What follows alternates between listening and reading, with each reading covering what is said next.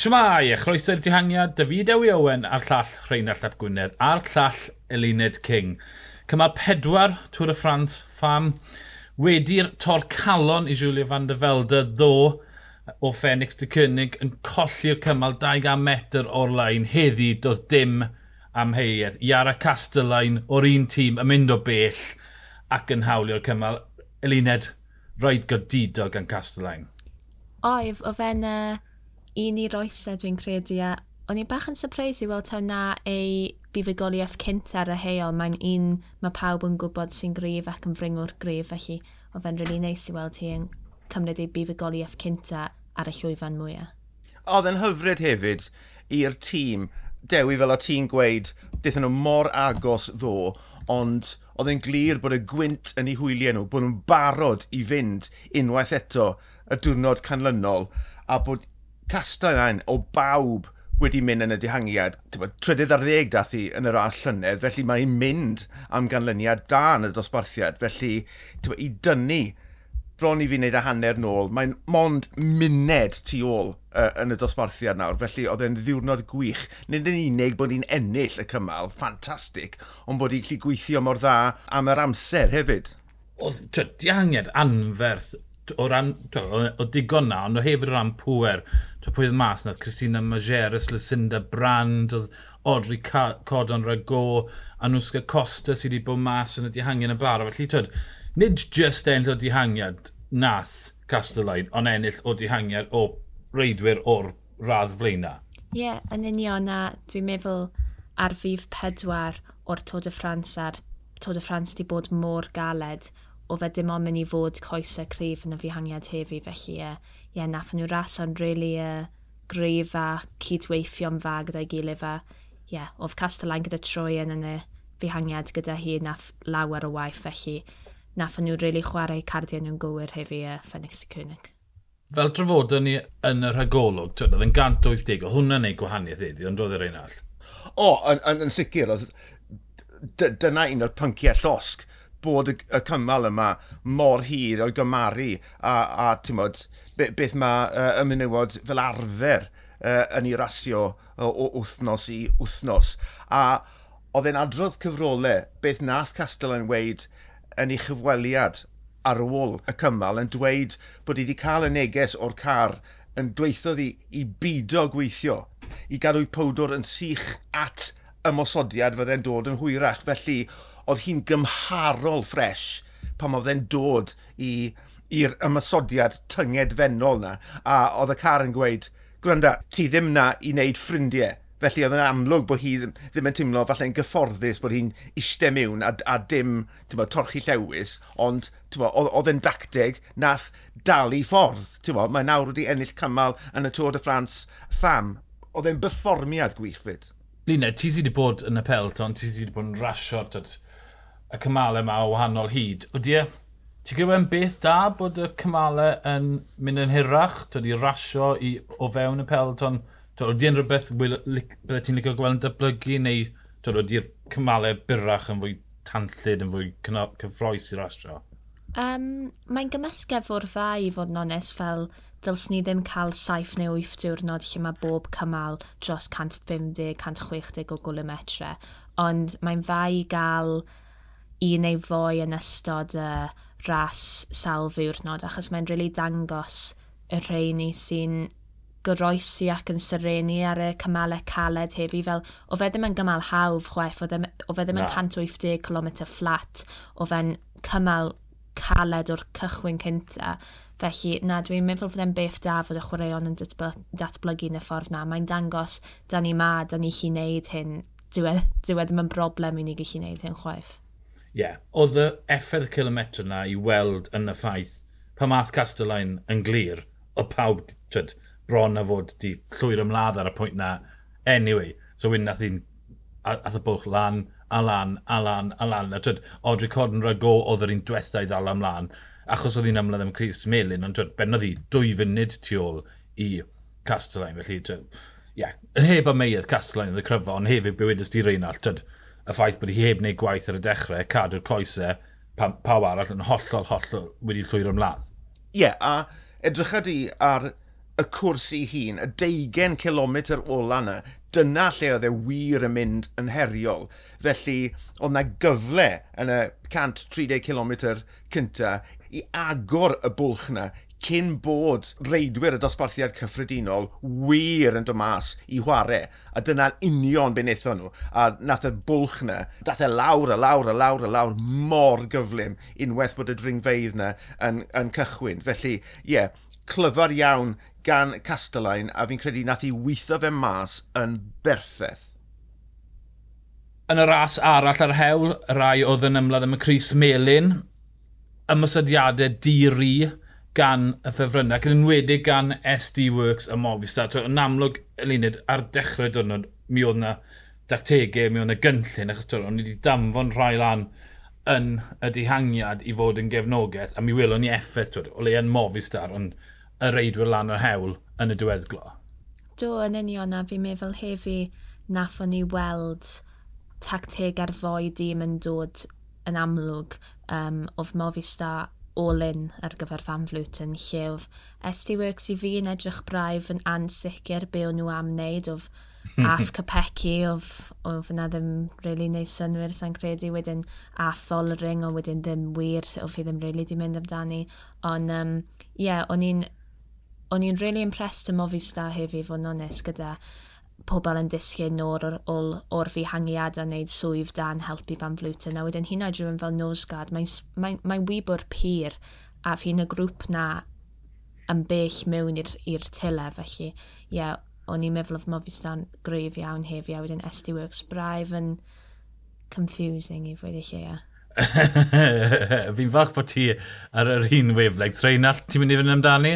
Ie, yeah, SD Works. Dyna'r pwnc o'n i eisiau trafod uh, y cyfnod cyn bod y ras ar y teledu, dath e trwyddo gyda'r bwlch naw, naw a hanner yn, yn anelu at ddeg munud, dechreuodd SD Works weithio. Felly beth fi'n gobeithio yw heddi o'r diwedd bod y tîmau eraill wedi galw bluff nhw. Chi yw'r ffefrynnau am y Cris Melin. I chi eisiau y, y, y dihangiad yma i gael mwy a mwy a mwy a mwy o amser. A dechreuon nhw roi gweithwyr a, ar y blaen a am nifer o gilometre a wedyn ni dyna pryd nath y cydweithio gychwyn. Ond ie yeah, lot o capeci a thi bod ti 4 neu 5 gwaith ond o fe yn, yn y 20 km ola. Yna o'n i'n just trial gweithio mas beth yn union oedd hi'n neud. Ond wedyn ni fi'n credu yn y diwedd oedd hi'n ceisio am ddiffyn y Cris, oedd hi'n gwybod bod um, bod Castellain, ie, yn mynd am y cymal, ond hefyd a, a cyfle i, fynd ar Cris hefyd. A ti'n lli gweld, oedd, oedd Capecchi ddim eisiau gadael hwnna i fynd. Felly, lan yr hewl a thi, a oedd e'n ras rhwng hi a Castellain am, am gyfnod, wedyn tan bod yn ffrwydro tu ôl a bod ati Movistar yn cico fe bant, ti'n Gutierrez, a, a, a Van Vlta, a wedyn ni, tyma, deffrodd y frwydr am y, y Chris Melin go iawn, a fe oedd na rhyw fath o undod wedyn ni, ond ie, yeah, oedd e'n oedd e'n ddwrnod mor ddiddorol o'r, o rasio, bod dati'r ras o fewn ras, ond bod na gyfuno hefyd, oedd e'n oedd e'n mor, mor ddiddorol. Fi cytuno y tu elunid o ran mofis da, fi'n greu nhw'n wych. Twed, gwti, nosgad mi na, pam athioddi ar y blaen cyn i fan flyd y mosod, oedd y grŵp na lawr i'r beth. Wyth, chwech, twyd, a fel ti'n gweud, gwibiwr, nid, twyd, nid arbenigydd yn y bryniau. Felly, ie, yeah, gwaith gwych. A Gwtieres, oedd Gwtieres yn holl bwysig i fan flyd, twyd, ymysodiad Folring dros y cop ar y ddringfa ola yna. Bydde Folring di diflannu petas y Gwtieres ddim di bod yna. Alla i wneud un pwynt bach am Gutierrez a Van Vleuter. Sylweddoles i, neu sylwes i, bod Gutierrez wedi agor bwlch ar Van Vleuter. Oedd, oedd Van Vleuter yn sgyrnygu fyna, a ddi ar yr ger hawsa oedd gyda'i ar y baic. Oedd hi'n spino, spino, spino, a ni... Licen i ofyn i ti, e-, Elined, wyt ti'n meddwl oedd, oedd hi mewn bach o drwbl fyna, neu oedd e jyst yn gam drwriaeth rhwng y ddwy falle bod, bod, bod hi'n mynd pwysio ychydig yn rhy galed am y cyfnod na um, ar dop y ddringfa. Sut ti'n darllen hwnna? Dwi yn meddwl o fan flwt yn dan bach o bwysau, ond mae yn un o'r rheini sy'n dringo uwchben i lawr, uwchben i lawr. Dwi ddim yn cadw tempo cyson tra dringo, felly o fe ddim yn surprise i weld y gap yn agor tipyn bach. Mae'n un o'r rheini sy'n gwybod yn union siwr i gau y gap a dwi ddim yn gwneud yn y ffordd fwy o prydferth pryd mae'n gwneud, ond uh, mm. na, hmm. oedd Gwtieref yn holl bwysig i Fan flwtyn hefyd. Dwi'n meddwl all, allu di colli 50-15 eiliad hefyd os oedd hi ddim na i helpu hi ar y diwedd. SD Works. Nawr, fi'n derbyn y pwynt y cypec i moyn cadw'r Chris Miller, ond maen nhw ma, nhw y tîm mwy ar byd, maen nhw ma i ennill y Tôr y Ffrans, nhw ddim ma i gadw'r Chris Melin. dos bosib taw neu popeth ar ran demi following oedd y pwys, beth pwysig, nid bod Capecchi yn cael dam lan am dwrnod. Dwi e ddim yn bwysig i nhw, sa'n credu. E? Wel na, na, ond ar y cyfnod na, lle oedd Capecchi a'i meddwl hi ar, ar y Chris Melin, tu ôl, oedd, oedd Follering yn, yn bihafio fel tasau Capecchi ddim na. Oedd, oedd hi yn gwrth ymosod Movistar pan oedd Cybeci dal lan yr hewl, felly oedd hi ddim yn dynyddio'r carden o, o mae Cybeci lan, so sdim rhaid i fi weithio o gwbl. Oedd e fel tasau Cybeci ddim na mewn ffordd, felly am, am gyfnod o leia fi'n credu, oedd na ddwy sefyllfa o fewn SD Works, dwi'n credu, ond ti'n bod, gath hwnna i sorto mas yn y diwedd, ond just am eiliad bach o'n i'n meddwl, hmm, mae yna ddoi beth yn diwedd yn un. O'n i ddim yn siŵr i fod yn onest beth oedd Capecchi wneud achos o fy bwlch na dim ond mynd i fynd lawr. Oedd dim siawns o fi mynd i golli'r Cris. Unwaith o fe ti fewn tair munud, oedd dim siawns o Castellai mynd i agor y gap ar y ffefrynnau. Felly, sa'n gwybod gor hyder neu rhywbeth o fo'n meddwl o fi gallu gadael pawb tu ôl, ond o fe jyst ddim yn neud synwyr a fe ddim yn rhywun baswn ni moyn yn y tîm chwaith, o fi ddim yn reid o'r gyfer foler ring, oedd hi ddim yn reid o'r gyfer unrhyw ond am ei hunan, ond mm. o'n i, o fe'n bach o surprise i fod yn onest, achos mae Peci fel arfer un, un sy'n mor dda yn gwybod be i wneud a ffrid i wneud pethau, ond fi'n meddwl oedd fi jyst bach yn ordyrus yn meddwl a fi chi gadael pawb fan hyn a fi chi cael tair munud ar ben fy hunan. Follering, tu ôl yn union be wedwch chi, twyd, ddim di gweld Cwpeci yn ei pen i wneud twyd, ddim yn, ar yr un twyd, tacteg. Ond twyd, oedd Folring, gweithodd Folring y ffordd lan i'r olwyn heb ymosod. Twyd, yn tynnu pawb blant. Felly oedd e, e yn sicr ddim yn dacteg pontio. Twyd, Cwpeci lan yr hewl, sgilwynt i, i Folring i guddio yna. A wedyn tynnu'r mantes mowr mas. Ti'n neud fi feddwl nôl, twyd, Estradio Bianca, ar yr hew fyna, twyd, Capecchi a Follering, croeso nhw llinell y dyrnod na, a tyd, oedd, oedd na oedd na bron o fod casineb yn ei llygen nhw at ei gilydd. Twyd, oedd nhw ddim yn hapus yn cydweithio yn y diweddglo fyna. Twyd, oedd dim trefniant, oedd nhw ddim yn hapus gyda'i gilydd. A dyna beth fi'n gweld heddi ar y hewl, bod Capecchi a Follering, dau seren mwy o SD Works, ddim ar yr un didalen. A mae hwnna'n argoen i'n wael i fi ar gyfer y cymalau yn hwyrach yn y Tôr y Ffrans. Ie, yeah, mae'n ddiddorol bod ti'n dod lan a, a, a Strada Bianca fyna. Um, yn sicr, ond o ddim ar yr un tudalen. Cwpeci oedd yr enillydd y blwyddyn cynt, felly oedd hi'n disgwyl fel amddiffynydd y, y, y ras i gael rhwydd hint i ennill, ond wrth gwrs, ti'n bod rhywun fel Demi Follering sydd yn blodeio yn y peleton, oedd hi eisiau ennill. A, wedodd um, y, y tîm, doedd na ddim trafodaeth yn y car. Felly, wnaethon nhw adael i'r ddwy o nhw i, i, i bathio. Ond na ddigon o ia rhwng y ddwy ar y linell derfyn, ond oedd ddim un o'n yn gallu edrych ar ei gilydd.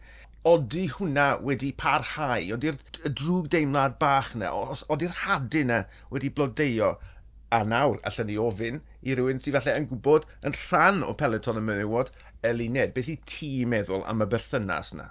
Wel, Dwi'n meddwl fod e braidd yn wahanol i Strada Bianchi achos o fy fwy o nhw'n draso i ennill a o digon o gap dyn nhw. Felly pan nath nhw, y fwy o nhw dechrau gwibio'n Strada Bianchi, fe ddim yn really surprise i weld yn digwydd achos mae'r fwy o nhw'n bencampwyr, mae'r fwy o nhw moyn ennill. Ond hefi, oedd dim siawns o'n nhw'n mynd i gair gap na. Mae Castellain yn fring o'r pyr, mae'n un hynod y grif a mae pawb yn y peleton yn gwybod faint mor grif mae yn. Felly, o fe jyst ie, yeah, mae rhaid fod rhyw, wel, problem cyfarthrebu yn y tîm neu rhywbeth yn dewis pwy maen nhw'n amweithio. Achos ar ddiwedd y dydd, does dim ots faint o fyfio mae Capeci'n dal melun ar gyfer. Does dyw yna ddim yn rhywbeth sy'n bwysig. Dyw e ddim yn... Os mae'n colli melun hefi, dyw e ddim yn broblem, does neb yn i edrych nôl a mynd, a nes di ddim ond dal y, y Cris am, am dair cymal. Dyw yna ddim yn rhywbeth sy'n bwysig i'r tîm. Demi Follering yw prif berson y tîm, felly ie, yeah, dwi'n credu fod rhyw fath o broblem yn y tîm gyda'r fwy o nhw yn cyfarthrebu. Dyna beth o'n i eisiau gwybod, y, y berthynas rhwng y ddwy a rhoi Strada Bianca mewn cyd-destun. Oeddi hwnna rhywbeth sydd wedi parhau a oeddi hwnna yn, yn gallu cael effaith. Os na rhywbeth i ti'n credu dal yn byrlymu o dditano rhwng y ddwy, ti'n meddwl? Mae rhaid bod, ond sa'n credu fod wedi dechrau'n Strada Bianchi yma mae'n rhywbeth sy'n mynd i fod na drwy'r amser. Mae'r fwy o nhw'n personoliaeth mowr mewn tîm, felly os ydych chi dy doi bersonoliaeth fwy fawr fel hynna, mm. a hmm. dwy berson sy'n chi ennill rhasys mowr, mae wastad mynd i fod rhyw fath o clash rhwng y fwy o nhw. Ond, um, ie, yeah, dwi'n meddwl bydd fe'n gweithio mas yn iawn i nhw ar gyfer y Tod y Ffrans, achos mae'r Tod y Ffrans amdano'r coesau, does dim byd arall yn, yn dod mewn i chwarae os mae fol rhaid yn gryfach na phawb arall yn y ras heb i fy ennill y ras. Ond fi'n meddwl yn mynd mewn i flwyddyn nesaf, mynd mewn i'r clasur, ond mae'n rhywbeth mae rhaid i ni edrych ar achos dyna nerf a chryfder fwyaf SD-Works yw'r gallu nhw i weithio gyda'i gilydd, a os mae hynna'n dechrau torri lawr, wel, dys dim byd gyda'r tîm i bwys arna wedyn. Ie, yeah, fi'n cytuno, ddwy gymal diwethaf yw'r pwysica, mae'n ma munudau fyna. Ond fi yn creu, twyd, Cymryd i Gutierrez a Nosgald mas o'r o ras heddi a hwbod i nhw yna i gefnogi Follering a mae'n ti falle 20-30 eiliad o wahaniaeth wedyn. Twyd, maen nhw wedi colli 30 eiliad. Fi derbyn mae'n debygol bod yr, y bwlch rhwng yr cyntaf ail yn mynd i fod yn fwy na erbyn diwedd y ras, ond mae 30 eiliad yn eitha swmpus. Twyd, faint oedd ar faint oedd ar y linell rhwng y ddwy? Dwy eiliad. Dwy eiliad a chwech eiliad bonus. Felly, twyd, mae wyth eiliad na, twyd, diwn hwnna ddim byd, ond mae wyth eiliad fel wna ni ddim Pogacar ddim yn cyfru lot. Mae 30 eiliad yn eitha swmpus. Twyd, fi yn credu gydawodd Follering, wel, gydawodd ST, car ST Works amser ar y hewl ydi. So fi'n blaen i gymal 5 one Le Chateau i Albi, 126 km.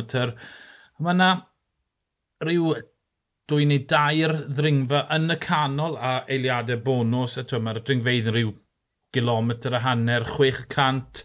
Felly, twyd, os dyr ebor hynna yn dod rhwng 50 ag 20 km i diwedd, er bod e'n edrych fel o bosib gwyb i grŵp wedi lleihau, mae yna gyfle i mosod fori os mae rhywun yn ffansi cymryd tro arno ni. Ydy, ond dwi'n meddwl mae yna ddigon o bobl yn y peloton sy'n gwybod fod y cymalau yn rhedeg allan a digon o wybwyr sy'n angen cyfle, yn enwedig ar ôl i nhw wneud bach o gawlach ohoni fo. Ddo, bydde ti wedi gadael... Es, os bydde ti'n tîm arall, bydde ti wedi gadael SD-Works neu'r gwaith i gyd? Ddoi? Ie. Yeah. Beswn. Dys dim, dys dim reswm pam i unrhyw'n arall i reid o fo. Mae ma SD-Works gyda'r gwybwr cyflyman y byd, maen nhw gyda'r Chris Melin a nhw yw'r tîm cryfan y byd ers rhai blynyddoedd. Dyw e ddim yn ei unrhyw synwyr i unrhyw'n weithio gyda nhw o gwbl a dyw e ddim yn ras o negyfol, Ond SD Works yw'r unig rai sy'n ras o negyfol ar y foment a mae rhaid i nhw camu fyny a os maen nhw moyn cael eu gweld fel y tîm cryfan y byd mae rhaid i nhw dechrau cymryd y gwaith ar eu hunan. Ie, yeah, fel Sonia sy'n hynt, dwi'n gobeithio o beth ar allennes i o ras cyn bod yn mynd o'r y teledu, mae SD Works nath blinko gynta ar, gyda'r bwlch yn 9 i 10, 10 munud. Gobeithio bod y tîm eraill wedi gweud na, os chi moyn ennill y ras yma, come on, torchwch eich llewis. Ie, yeah, DSM, drian nhw, yn gwneud gymaint o waith ddoe, a wedyn ni Charlotte Cool, just allan o, o, o safle, maen nhw'n mynd i fod ar dan i, i fynd am, am y wyb yma, ond ie, yeah, mae rhaid i nhw fod uh, yn ofalus. Um, ond siwt mae siwt mae gwythio SD Works i, i, i, i wneud y gwaith. Ond oedd wedi just lawr i nhw i edrych ar ei hunain yn y, yn y drych a mynd, come on, achos mae'n ma, ma, ma eitha anodd, annog rhywun i wneud gwaith os maen nhw ddim eisiau. Ie, yeah, ond dwi'n meddwl os mae Webers mae'n ennill, bu hi'n gwneud yn siŵr fod nhw'n mynd ar, ar y blaen fel, ar ddiwedd y dydd os mae'r tîmau arall yn mynd am wybys i'r llinell derfyn, ail yw'r gorau maen nhw'n mynd i gael. Felly ail neu drydydd jyst dim gwahaniaeth mawr os mae un yn y rel. Os nhw wedi gadael fan dyfelde i ennill fo, bas nhw dal wedi cael ail, ail neu drydydd. Felly, sain, Dwi'n credu fod angen rhoi pwysau ar SD Works, na'r unig ffordd allwch chi mei fi nhw yw rhoi pwysau arnyn nhw. Dwi'n licio hwnna. Achos oedd Vibus, twyd, yr un beth a nes di sôn pam ti'n dehangiad, twyd, y DS ti'n gweud peidio gael yn y fwlian ti. Wel, oedd i bys yn, yn brolio ar y linell derfyn yn gweud bod ni wedi dynyddio eg, mae rhaid chi dynyddio egni bobl eraill cyn dynyddio egni eich hunain. Tyd, hwnna fel, hmm, bach yn coci fi, felly tyd, ie, yeah, byddai'n gweud a pob tîm arall, pyd o'ch gweithio gyda SD Works, yr, tyd, yr ochr arall i hwnna, mae yna bosibiliad eith dehangiad yn y, tyd, yr holl fod i linell gyda un neu ddwy o ST Works fel heddi, twyd, dyna'r senario arall sy'n bosib. Ydy, ond os mae ddim Webers neu Copecu sy'n y fehangiad fory, unrhyw aelod arall o ST Works sa'i chi gweld nhw'n ennill ar y diwedd, sa'i chi gweld unrhyw sy'n digon cyflym. Yn amlwg mae'n mae'n ddibynnol ar pwy sy'n y fehangiad gyda nhw, ond na fori, dwi'n dwi, disgwyl gweld pe o'r tîmau llai yn anfon tîmau, anfon pobl lan a tîmau sy'n ti ar yr un lefel a rhywun fel Phoenix de Cynnig ti mesu ymlaf i fod yn y fel y rhan uchaf nawr beleton felly ie, yes, sa'n gallu disgwyl unrhyw yn gadael cypecu neu webys fynd yn y fihangiad fori o gwbl a wedyn os mae unrhyw arall yn y fihangiad o'i thîm nhw, sa'n gallu gweld nhw'n ennill y ras. Achos bod twed, pawb ar pob bws yn cael y trafodaeth na, ni'n mynd i helpu SD Works, enillodd bron i Julie van der Velde llwyddo pam nath DSM. Felly, ie, yeah, mae'r tîm y bach yn mynd i fynd. A, ni'n gobeithio, gweld twyd, ymladd na pwysau'r SD Works a falle rhywun arall yn dod i'r brig. Ie, yeah, fi bys yw'r cyfle yma, ond byddai'n gret gweld rhywun arall. Wel, gen i weld beth ddigwyddodd wedi'r cymal. Ymunwch dyn ni bryd ni. Ond o fideo i Owen a llall Rhain y Llap Gwynedd ac Eluned King, ni yw'r dihangiad, hwyl.